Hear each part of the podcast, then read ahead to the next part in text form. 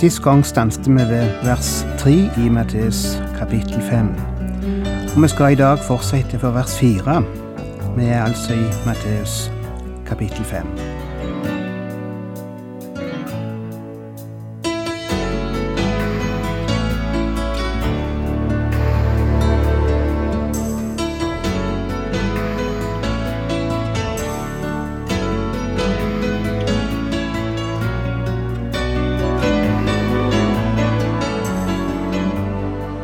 Hjertelig velkommen til et nytt program i serien Vindu mot livet.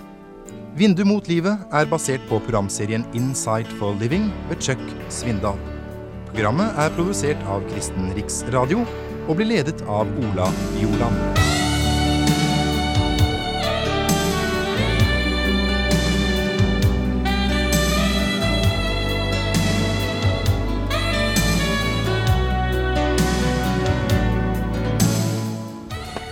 Salige er de som sørger, for de skal trøstes. Det henger veldig sammen med det foregående vers som sier Salige er de som er fattige i seg selv, for himmelriket er deres.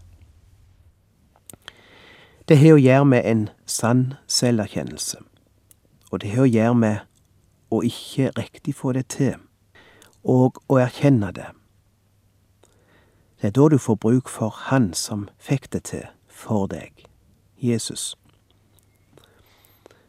Jeg tror det er noe av den samme selverkjennelsen og den samme følelsen som Paulus gir uttrykk for når han sier Jeg, arme menneske, hvem skal fri meg fra dette dødens legeme? Det gode jeg vil, gjør jeg ikke, mens det vonde jeg ikke vil, det gjør jeg. Har du følt det slik? Det er de som sørger. Det er ikke snakk om vanlig sorg etter tap av noen som en er glad i. Sjølsagt kan dette ordet òg være et ord til slike, men i denne sammenheng er det nok mer tenkt på den sorg en har over seg sjøl, over ens egne tanker og over at en ikke får det til å være slik som en skulle være, og skulle yngst at en kunne være. Og det kan være en vond følelse. Men samtidig som det er vondt, sier Jesus, du er faktisk heldig som har det slik, for du skal finne trøst. Du er i en situasjon der du er mottagelig for den trøst Gud vil gi, nemlig at det er en annen som fikk det til for deg. Jeg tror det er det som er tanken her. For det henger sammen med det forrige vers, å være fattig i seg sjøl, som det står. Det har med å sjå sine svakheter og erkjenne de. Det har med å sjå si synd. Jeg er litt redd for å bruke det uttrykket, forresten, for det kan lett enten bli frasa, eller det kan bli en prestasjon. Men her er det en erkjennelse. Og det har å gjøre med at en ikke skylder alt på andre, men at en ser seg sjøl, erkjenner si synd. For av og til møter du mennesker som har synda, kanskje, men som er mer opptatt av å sørge over de som ikke er villig til å tilgi dem, enn å sørge over det en sjøl har gjort, hvis du forstår hva jeg mener. Jeg vet ikke om du har møtt den problemstillingen. Mennesker som har forgått seg på et punkt. Som er falt eller gjort noe som de ikke skulle.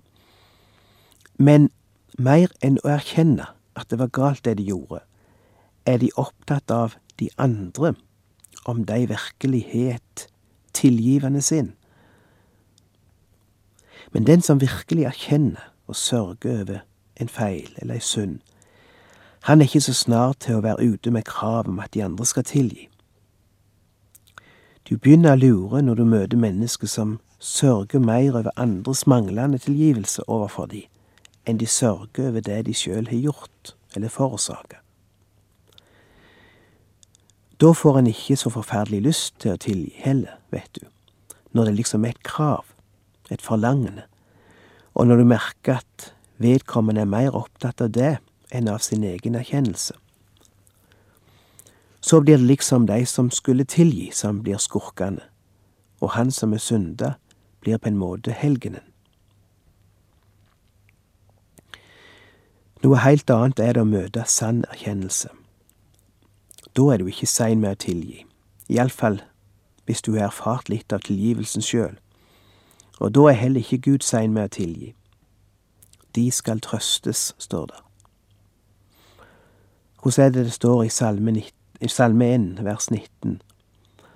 Offer for Gud er en knust ånd, et hjerte som er brutt og knust. Ringe akter du ikke Gud. Og vi ser det i praksis. Vi ser det gang på gang i Bibelen, hvordan Gud setter pris på mennesker som er kommet til selverkjennelse, som innser og erkjenner hva de har gjort. Peter er ett av eksemplene. Han gikk ut og gråt bittert, står det i Bibelen, etter at han har forrådt sin frelser. Og når han noen dager etterpå sitter ved stranda og eter med mesteren, og har denne følelsen, Herre, gå ifra meg, jeg er en syndig mann, da er det mesteren gjeninnsetter han i tjenesten og sier, Du, Peter, skal være den som skal fø mine lam. Jeg vil gjøre deg til den klippe som jeg skal bygge mi kyrkje på. Tenk å si noe sånn til en som bare noen dager tidligere har banna på at han ikke kjente Jesus. Men her finner Jesus en sann og ekte erkjennelse, og det er forutsetningen for å kunne tilgi han, og gi han en ny sjanse og en enda større oppgave. Salig er de som sørger, de skal trøstes. Det er historien om Peter. Vers fem Salige er de tålsomme, for de skal arve jorden. Noen engelske bibler har oversatt ordet med vennlige. Den gamle norske bibeloversettelsen brukte ordet sakkmodige. Det er nok forskjellige nyanser som ligger i dette ordet. Det innebærer iallfall ikke det samme som en skulle være svak eller tannløs eller veik. Jesus blir kalt saktmodig, eller rettere, han kaller seg sjøl saktmodig, men det betyr ikke at han var svak. Kom til meg og lær av meg, sier han, for jeg er saktmodig og ydmyk av hjerte. Og ingen skal si at Jesus dermed var blaut og veik. Øyvind Andersen pleide å si sakkmodig er en som har sett sin lit til Gud, som har sett sin vei i Guds hånd. Da dreier det seg om det som står i Salme 37 vers 5. Sett din vei i Herrens hånd, og stol på ham. Han skal gjøre det. Jeg tror det treffer veldig godt det som ligger i dette ordet.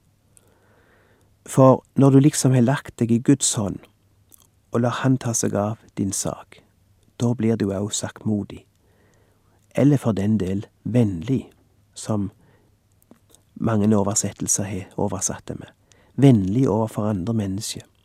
Tålsom. Det er ikke akkurat et ord som passer så veldig godt inn i vår tid. Tålsom. For vi lever i ei tid der en helst skal ta seg sjøl til rette, sette fram sine krav og pukke på sin rett, rope på oppreisning og hevn og erstatning og jeg vet ikke hva. Jeg kom på en liten tegneserie jeg så en gang. Den viste en fødsel av en baby, og legen tok babyen i føttene og halte han opp etter at den var kommet ut, og daska han på baken, slik en gjerne gjorde før i tida og kanskje i dag òg, for det jeg vet. Det er så lenge siden jeg har opplevd det. Men det gjorde de iallfall da, for liksom å få systemet og pusten i gang igjen. De ga babyen et dask på baken. Men babyen sette i å skrike på denne tegneseringen og ropte med full hals Jeg krever en advokat. Jeg vil snakke med advokaten min. Det var vel aktuelt med et erstatningsspørsmål kan jeg tenke meg, for klasket på baken. Og det betegner litt av på en morsom måte litt av det som er typisk for vår tid. Av og til kan du få den følelsen når du leser om erstatningsspørsmålene i vår tid. Sjølsagt er mange av de berettiget, men av og til syns du det går litt over grensene. Når folk har stått på og gjort hva de kunne for å hjelpe deg, en doktor eller en sykepleier, eller en rådgiver for den del, og som takk for innsatsen får du et erstatningsspørsmål, eller erstatningssøksmål, på nakken. Når du har lært å sette din sak i Herrens hånd og stole på Han, som det står i Salme 37,5, da blir du litt tilbakeholden med å kreve alle mulige slags rettigheter og erstatninger og gjengjeldelse og oppreisning. Du skal slippe å ta igjen overfor alle mennesker som du ikke syns har behandla deg helt rettferdig. Det ligger i Guds hånd. Han skal ta igjen. Han skal gi deg oppreisning. Han skal ta et oppgjør med den som har gjort deg urett, hvis vedkommende ikke vil erkjenne det. Det blir Guds problem, ikke ditt. Det blir noe frigjørende når du liksom får legge det i Guds hender på den måten. Betyr ikke at en dermed skal godta alt, eller bite i seg alt. Noe er av en slik karakter at en må kreve oppreisning. Men du blir ikke en slik som går gjennom livet og anklager alle for å ha krenka deg, og beskylder alle andre for å ha gjort det og det imot deg. Det må være en forferdelig stressende måte å leve på. Og det er en helt unødvendig måte å leve på for den som legger sin sak i Guds hånd. Du skal slippe det der. Du skal slippe å rundt og være bitter. Du skal slippe å rundt og planlegge hvordan du skal ta igjen hvordan du kan dukke den fyren som fornærma deg den gangen. For et bortkasta liv, og for ei bortkasta tid. Gi det til Gud. Det er det hva Salme 37 sier. Det er noe av det som ligger i dette ordet av Jesus òg her i bergpreka. De skal arve jorden, sier Jesus. Det vil si, de skal ikke tape på at de gir saken over til Gud. De skal ikke tape noen ting på å være tålsomme. For det er vel det som er frykten hos mange, at vi må stå på vårt, vi må hevde våre retter, vi må sørge for å få oppreisning eller hevn, for ellers så taper vi, tenker vi. Nei, du taper ikke. Du skal vinne alt. Du skal arve jorda. Ingen skal tape på at de legger problemet, eller skuffelsen, eller krenkelsen, eller uretten over i Guds hende. Du skal få din rett og din oppreisning, sier Jesus her. Ikke fikle med deg sjøl. Du bare øyelegge det. Den beste advokaten du har, er Gud. Er det i hans hender, så er det i de beste hender. Han skal sørge for at du får igjen mange ganger det du har tapt. Det er tanken her.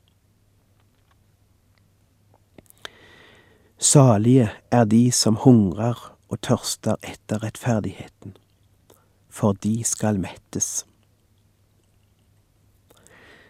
Det er noe av det samme. Ordet for å mettes som er brukt her, er faktisk et ord som er brukt på husdyr som gikk og beita på saftige, grønne enger, og som var mette av det rike gresset. Jeg vet ikke om du har sett en flokk kyr som nettopp har gått og beita i saftig, grønt gras. Og nå har de spist seg mette og ligger og hjorta. Jeg kan ikke tenke meg noe så tilfreds som mette dyr. Jeg er nesten vokst opp iblant de, så jeg har bildet klart for meg. De er så trygge, de er så tilfredse, de nyter livet i ettermiddagssola, og kan ikke tenke seg noe annet eller noe bedre. Den tanken er det som ligger i uttrykket de skal mettes. Vers 7. Salige er de barmhjertige, for de skal få barmhjertighet. Det er noe mye dypere enn medlidenhet, eller gode følelser. Folk er så lett for å blande gode følelser med det som Bibelen kaller barmhjertighet.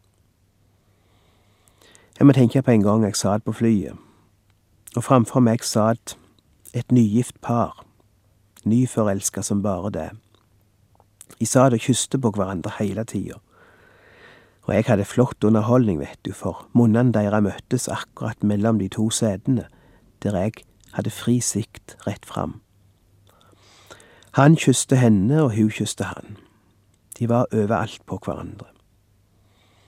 Hun hadde glemt å ta ut noe fra kofferten, og spurte om han kunne reise seg opp og ta det ned for henne. Og hun kysste han idet hun spurte om det. Og han kysste henne igjen og reiste seg og tok tingen hun hadde bedt han om, eller hadde glemt å ta ned. Og da han satte seg igjen, kysste han henne igjen og ga henne det hun hadde bedt om, og hun tok imot det og kysste han tilbake. Det så ikke ut for meg som det var verdt et kyss, men det må det kanskje ha vært. Og så vart maten servert, og hun kysste han før maten, og han kysste henne før maten, og innimellom maten, og etter maten. Jeg fikk samme slags mat, jeg syns ikke den var verdt noe kyss. Jeg kaller flymat for plastikkmat. Iallfall var det ikke verdt noe kyss, syns nå jeg. Og vi kom fram til bestemmelsesstedet, og flyet landa, og folk begynte å reise seg for å gå ut og hun minte han med et kyss om å ta seg av bagen som sto, eller ta med seg bagen som sto på gulvet. Og han svarte med et kyss at det skulle han gjøre. Og de ga hverandre et kyss idet de begynte å gå bortover midtgangen, mot utgangen. Og da de var kommet ut av flyet, kysset han henne igjen, og de gikk arm i arm og ansikt mot ansikt bortover mot terminalen. Og jeg holdt på å rope etter de, la oss snakkes om fem år mine venner. Jeg vet ikke om dette er så mye å gjøre med det vi snakker om nå. Jau, det var det jeg skulle si. Det som Jesus kaller barmhjertighet, er noe mye dypere enn pasjon eller følelser, eller kyss for den del. Barmhjertighet er troskap. Det er det å være der òg når du ikke føler for det òg når du ikke tiltrekkes av det mennesket du viser barmhjertighet imot. Akkurat som Gud måtte føle da han viste barmhjertighet mot oss. Da var det ikke mye ved oss som kunne virke tiltrekkende på Gud. Men det er ofte da et menneske trenger barmhjertighet. Det er når det har skitna seg til, øyelagt livet sitt, falt feila. Da er det ikke noe attraktivt ved det, men nettopp da er det barmhjertigheten kommer inn. Salige er de rene av hjerte, for de skal se Gud. Det betyr ikke at en har et rent hjerte, det vil si at en ikke har synd i seg. Det betyr ikke å være syndfri, men det betyr å ha et udelt hjerte. Et hjerte som er heilt, som er oppriktig i forhold til Gud og i forhold til mennesket. Å være sann og heil i forhold til Gud er faktisk en betingelse for å sjå Gud. Og dette stemmer med andre ord i Bibelen, som for eksempel det å la sitt offer ligge til en er gjort opp med sin bror, eller gjort opp sin urett. Da kan en komme fram for Gud igjen. Det går på dette med at en, en som skjuler noe vondt inni seg, som en ikke vil gjøre opp, en som ikke er heil, en som er delt i sitt hjerte og heller fast på noe vondt som en ikke vil slippe, han vil få problem i sitt forhold til Gud. Han vil bli utarmet, han vil miste den umiddelbare tryggheten og tilliten til Gud og vil stoppe opp i sin vekst. Ganske enkelt fordi han er kutta over den åpne forbindelsen med Gud. Du kan ikke riktig sjå han inn i øynene, og dermed straumen av velsignelse stansa. Salige er de som skaper fred, for de skal kalles Guds barn. Salige er de som blir forfulgt for rettferdighets skyld, for himmelriket er deres. Her er et verdisystem som er det motsatte av det verdisystem som vi møter ellers i samfunnet i dag. Gud snur verdens verdisystem på hodet. Han opphøyer den som er ydmyk, mens verden opphøyer stolthet og storhet. Hos Gud er det tjeneren som er stor, ikke mesteren. Her i verden skrives det ikke mange avisartikler om tjenerne. Det er sjefene, det er toppene, som er i medienes lys, de supersuksessfulle, kremen i samfunnet, stjernene. Gud lar seg ikke imponere av støy og lyd og størrelse og pengebøker og sjekkhefte, men av indre, stille egenskaper, som ofte ikke viser så mye igjen. Barmhjertighet, reine av hjerte, sanne, fredsommelige, tålsomme.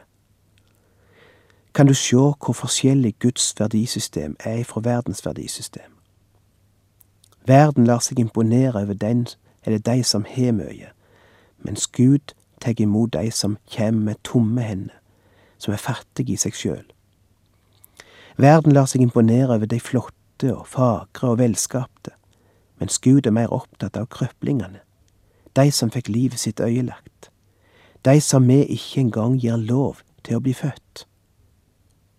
Bare sjå på fjernsyn, på såpeopera, på den kulørte ukepresset. Sjå hva slags ideale som gjelder i samfunnet i dag. Det er stolthet, det er vellykkethet, det er masse penger, det er rikdom, det er sjølsikkerhet, det er flotte kropper. Hør hvordan en er parafrasert eller omskrevet disse ordene av Jesus, for å få fram hvor annerledes verdens verdisystem er enn Guds verdisystem. Salig er de som presser seg fram. De skal komme seg fram i verden. Salige er de hardkokte, for de lar aldri livet såre dem. Salige er de som klager, for de får det som de vil. Salige er de selvgode, for de bekymrer seg ikke over deres synder. Salige er slavedriverne, for de oppnår resultater. Salige er de med kunnskap, for de vet hvordan de skal sno seg. Salige er bråkmakerne, for de blir lagt merke til. Nei, salige de fattige i seg sjøl. Salige de som skaper fred. Salige de tålsomme. Salige de barmhjertige, de rene av hjerte. Det er Guds verdimål. Så får du og jeg velge hvilke verdier som skal prege oss og hvem som skal prege oss. Verden eller Jesus. For det er det det dreier seg om. Å bli prega av Jesus. For alt det som her sies, kan nettopp sies om Jesus. Så det det dreier seg om, er å la Han få leve i oss og prege våre liv. Da er vi salige.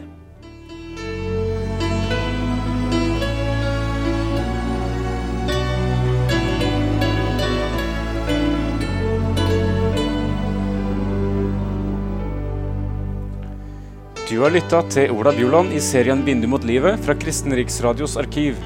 Ola Bjoland var ansatt i Kristen Riksradio til han døde i 2002.